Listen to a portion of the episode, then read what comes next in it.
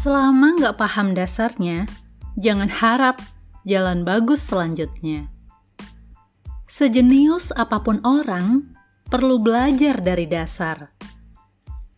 Belajar dasar yang benar. Karena tanpa dasar yang benar, langkah selanjutnya jadi suka ngaco.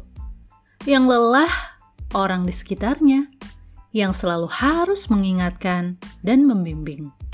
Belum lagi kerusakan akibat ketidakmengertian dasar yang dimiliki. Gak usah terburu-buru meluluskan yang belum layak untuk lulus. Apa yang kamu kejar?